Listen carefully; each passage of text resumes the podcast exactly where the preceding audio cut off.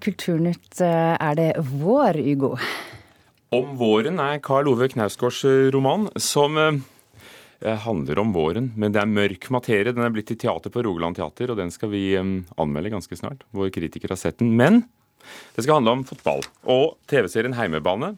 Andal Torp, gratulerer som beste kvinnelige skuespiller under Gullruten-utdelingene. Tusen takk. Hvorfor tror du TV-serien fanger så mange?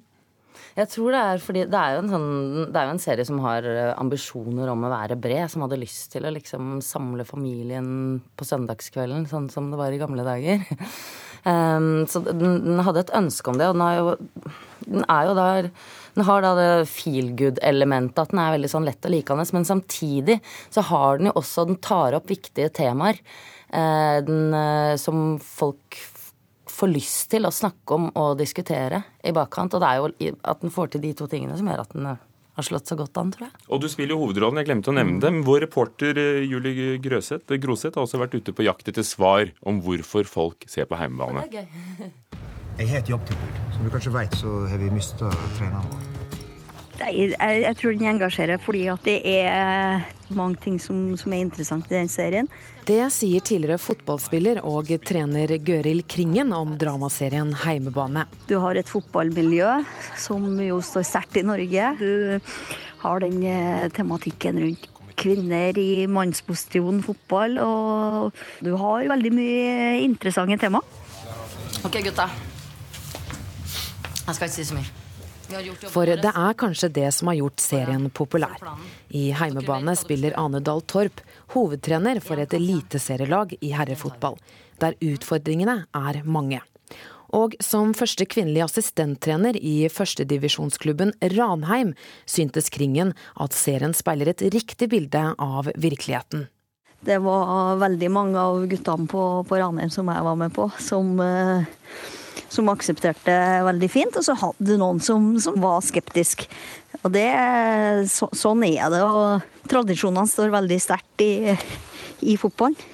Og det å ta opp denne tematikken har gitt uttelling. For på lørdag fikk Heimebane tre Gullruten-priser. Beste kvinnelige og mannlige skuespiller og beste dramaserie. Heimebane! Men hva syntes folk, da? Hvorfor tror de heimebane engasjerer? Nei, det er jo pga. skuespillerne, mener jeg, og det de greier å skape innenfor den rammen. Det er vel, livet kanskje gjorde drama, da. Den er bare veldig interessant og liksom ganske nyskapende, syns jeg. Fordi fotball engasjerer, og da engasjerer også en serie med fotball som tema. Jeg tror det er så enkelt.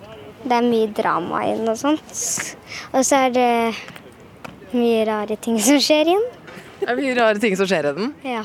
Mens folk har ulik oppfatning av hva som gjør serien populær, tror eksfotballspilleren Gøril Kringen det kan være en god blanding av både fotball og drama. En av eh, tingene tror ikke jeg hadde holdt på serien. Du, du er avhengig av begge. Fotball samler folk, eller? Ja, det gjør jo det. Det er jo verdens beste idrett. Og reporter var altså Julie Groseth. Andal Torp, kjenner du deg igjen eh, med dine erfaringer nå som du har spilt serien i fotballtreneren her? Eh, det er jo kjempegøy å høre på Gøril Kringen. Hun er jo en skikkelse. ja.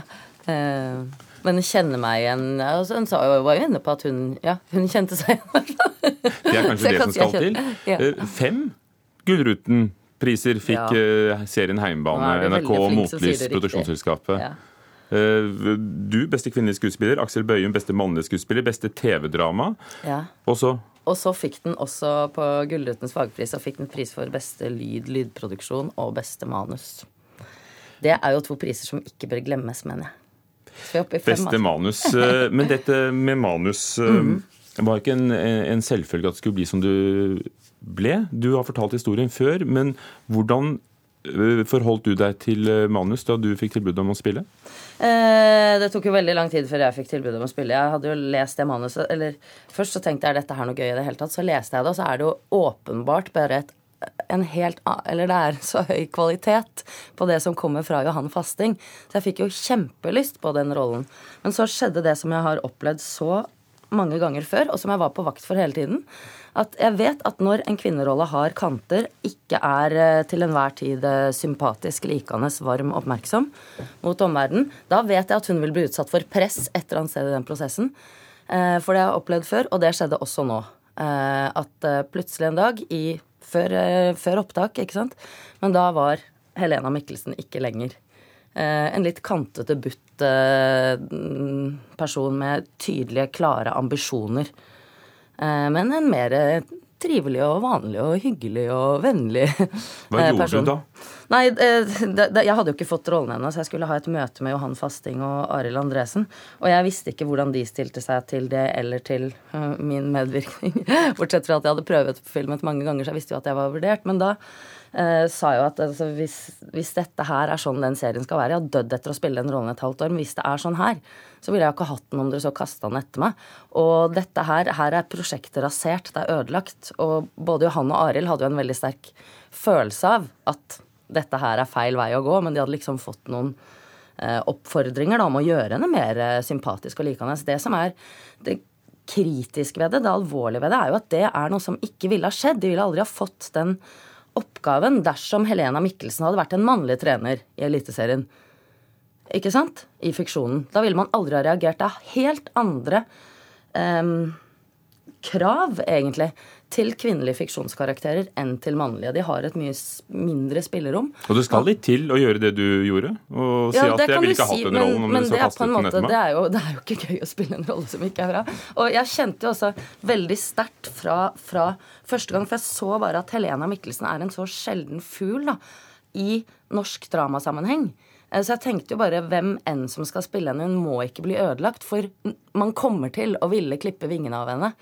Eh, Det visste jeg av erfaring, og det skjedde jo da òg. Det, det er det alvorlige og viktige. Det kommer en sesong to. Eh. Prøvde de seg da? På å klippe vingene? Nei, men det vet jeg ikke. Men jeg, jeg, jeg, tror, jeg vet jo i hvert fall at uh, Johan og skriverommet og produsenter og egentlig hele produksjonen da, hele tiden kjemper for ja, Helene og alle de andre menneskene. At de skal få være så mye som de bare kan. Vi har snakket om eh, seksuell trakassering, metoo-tematikken som ble tatt opp i Heimbane her i Ja. Kulturnytt før. Eh, det manuset var jo skrevet før dette ble en kampanje Ja, før det hadde offentlig. et navn. Eh, ser du en parallell mellom eh, diktning og virkeligheten her?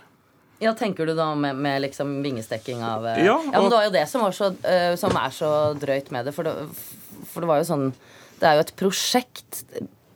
Hovedprosjektet her er jo litt sånn hva skjer med en kvinne Eller det er en veldig sterk eh, Veldig stort element da i sesong, første sesongen. Hva skjer med en kvinne på en mannspasion?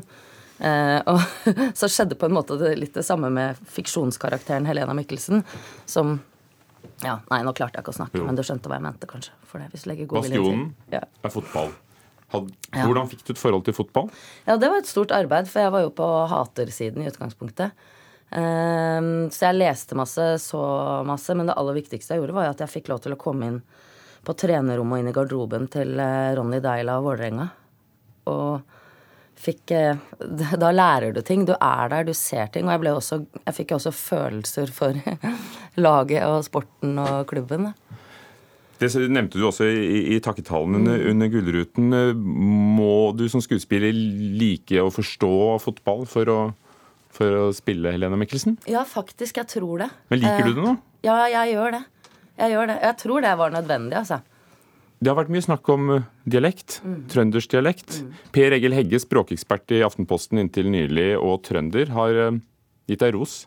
For at du kan eh, fine nyanser som jeg ikke engang husker navnet på. Eh, Sitter det i deg? Eh, absolutt. Altså, jeg fikk jo med meg Jeg gikk inn på Twitter og så at det var eh, bråk om trønderdialekten min. da ble jeg selvfølgelig veldig sur. eh, og Hva tenkte 'hold dem?" kjeft'. Eh, Var det trøndersk? Ja, det var trøndersk. Nei, det tenkte jeg der. For det, men, men det er jo litt fordi jeg har gjort et arbeid sånn Jeg skulle jo veldig gjerne at det- skulle ha vært helt perfekt, ikke sant? Men eh, samtidig så har jeg også en sånn såpass selvtillit på det. Jeg har gått rundt i Trondheim og prata trønder til innfødte trøndere. Jeg har snakket trøndersk eh, 24 timer i døgnet i måneder eh, av livet mitt. Så det er litt sånn Ok, greit, jeg sklei der. Kanskje du ikke syns sånn og sånn. Men vet du hva? Sånn snakker Helena Mikkelsen trøndersk. Andal Torp, eh, vet du noe om serie to, sesong to? Ja, jeg gjør jo det i og med at vi nå Vil du si noe om det? Eh, Jeg gleder meg, kan jeg si. Ja. Takk skal du ha. Takk for meg.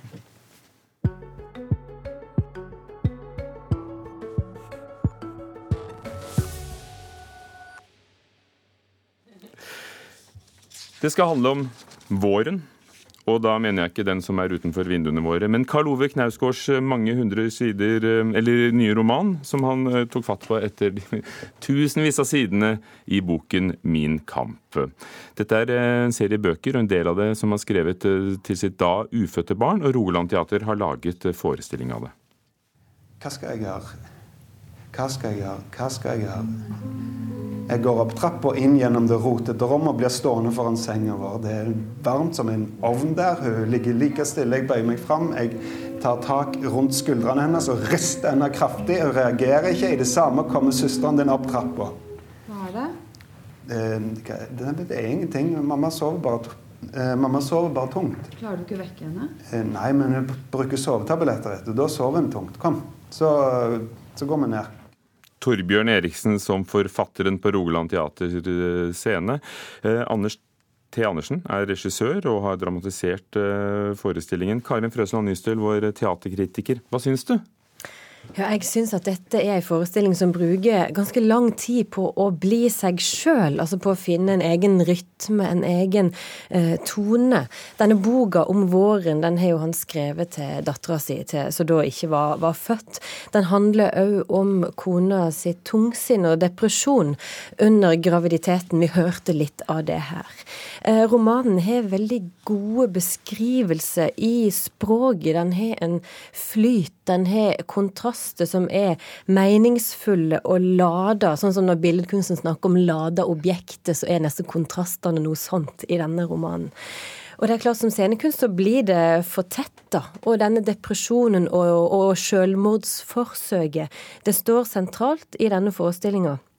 Men det handler jo òg om å stå alene sånn, som pappa i en sånn situasjon. Um, og så er det litt for mange skuespillere på scenen hele veien til at de lykkes i å få fram akkurat denne ensomheten, som egentlig er ganske sentral i verket. For mange skuespillere på scenen? Ja. De er seks voksne skuespillere, og så er det tre helt fantastiske barn som er med. Og den ensomheten er en forutsetning da, for måten boka eller romanen er skrevet på. Den ligger, Ensomheten ligger liksom i språket. Um, og, og, når det er så mange der som bytter på For greia er at de har ønska å bevare Knausgård sitt språk, men de har stykka det opp mellom ulike karakterer som overtar setninger etter hverandre, og det tar lang tid å få en god rytme på. Det får de ikke helt til her før nesten halvveis ut i forestillinga. Og blant de seks skuespillerne er det en det har vært litt oppmerksomhet rundt, nemlig Eili Harbo, mm. kjent fra Joakim Triers spillefilm 'Thelma'. Dette var hennes debut som profesjonell teaterskuespiller. Hvordan gikk det? Og det gikk fint. Hun spiller dette ufødte barnet, som da i denne sceneversjonen er blitt eh, 16 år, og som tar imot denne vanvittige fortellinga som hennes far gir henne. Så hun er på scenen hele veien og, og responderer etter hvert på det som skjer, er med på å fortelle denne historien. Det er et, det er et veldig fint grep, men det er det kun fordi at Harbo har en sånn tilstedeværelse og utstråling og har et helt sånn spesielt nærvær på scenen, der hun står hele tida og utvikler seg i takt med, med den fortellinga hun får fortalt. For det er jo kraftig kost å få servert at mor di ønsker å dø mens hun bar deg. Altså få det der midt i ansiktet som 16-åring. Hvordan responderer man på det sånn intuitivt? Harbo klarer det veldig fint, hun får det faktisk til. Og det har òg med god personregi å gjøre som Anders T. Andersen da har stått for. Og han har dramatisert det. Og han står for videodesign ja. og scenografien. Det er et slags sånn gesamtkunstverk. Men du sier den finner sin rytme etter hvert. Mm, Hvordan? Nei, den, Det blir sin egen fortelling. altså Fra å være en ganske knotete og oppstykka start, så klarer de å få det til å bli noe eget. Og ikke minst skyldes dette Torbjørn Eriksen, som spiller forfatteren, som har grepet om språket. Det er akkurat som språket ligger naturlig foran, og han vender det så fint. Han bruker stemmen på en god måte og får fram så mange nyanser. Så dette, er, dette, dette gjør han veldig godt. Karin Frøsland Nystøl. Vi kan også lese anmeldelsen din på nrk.no kultursidene om våren på Rogaland teater. Et annet våreventyr er eh, Okseslipp, som vi skal være med på senere her i Nyhetsmorgen klokken er halv ni, og aller først Dagsnytt.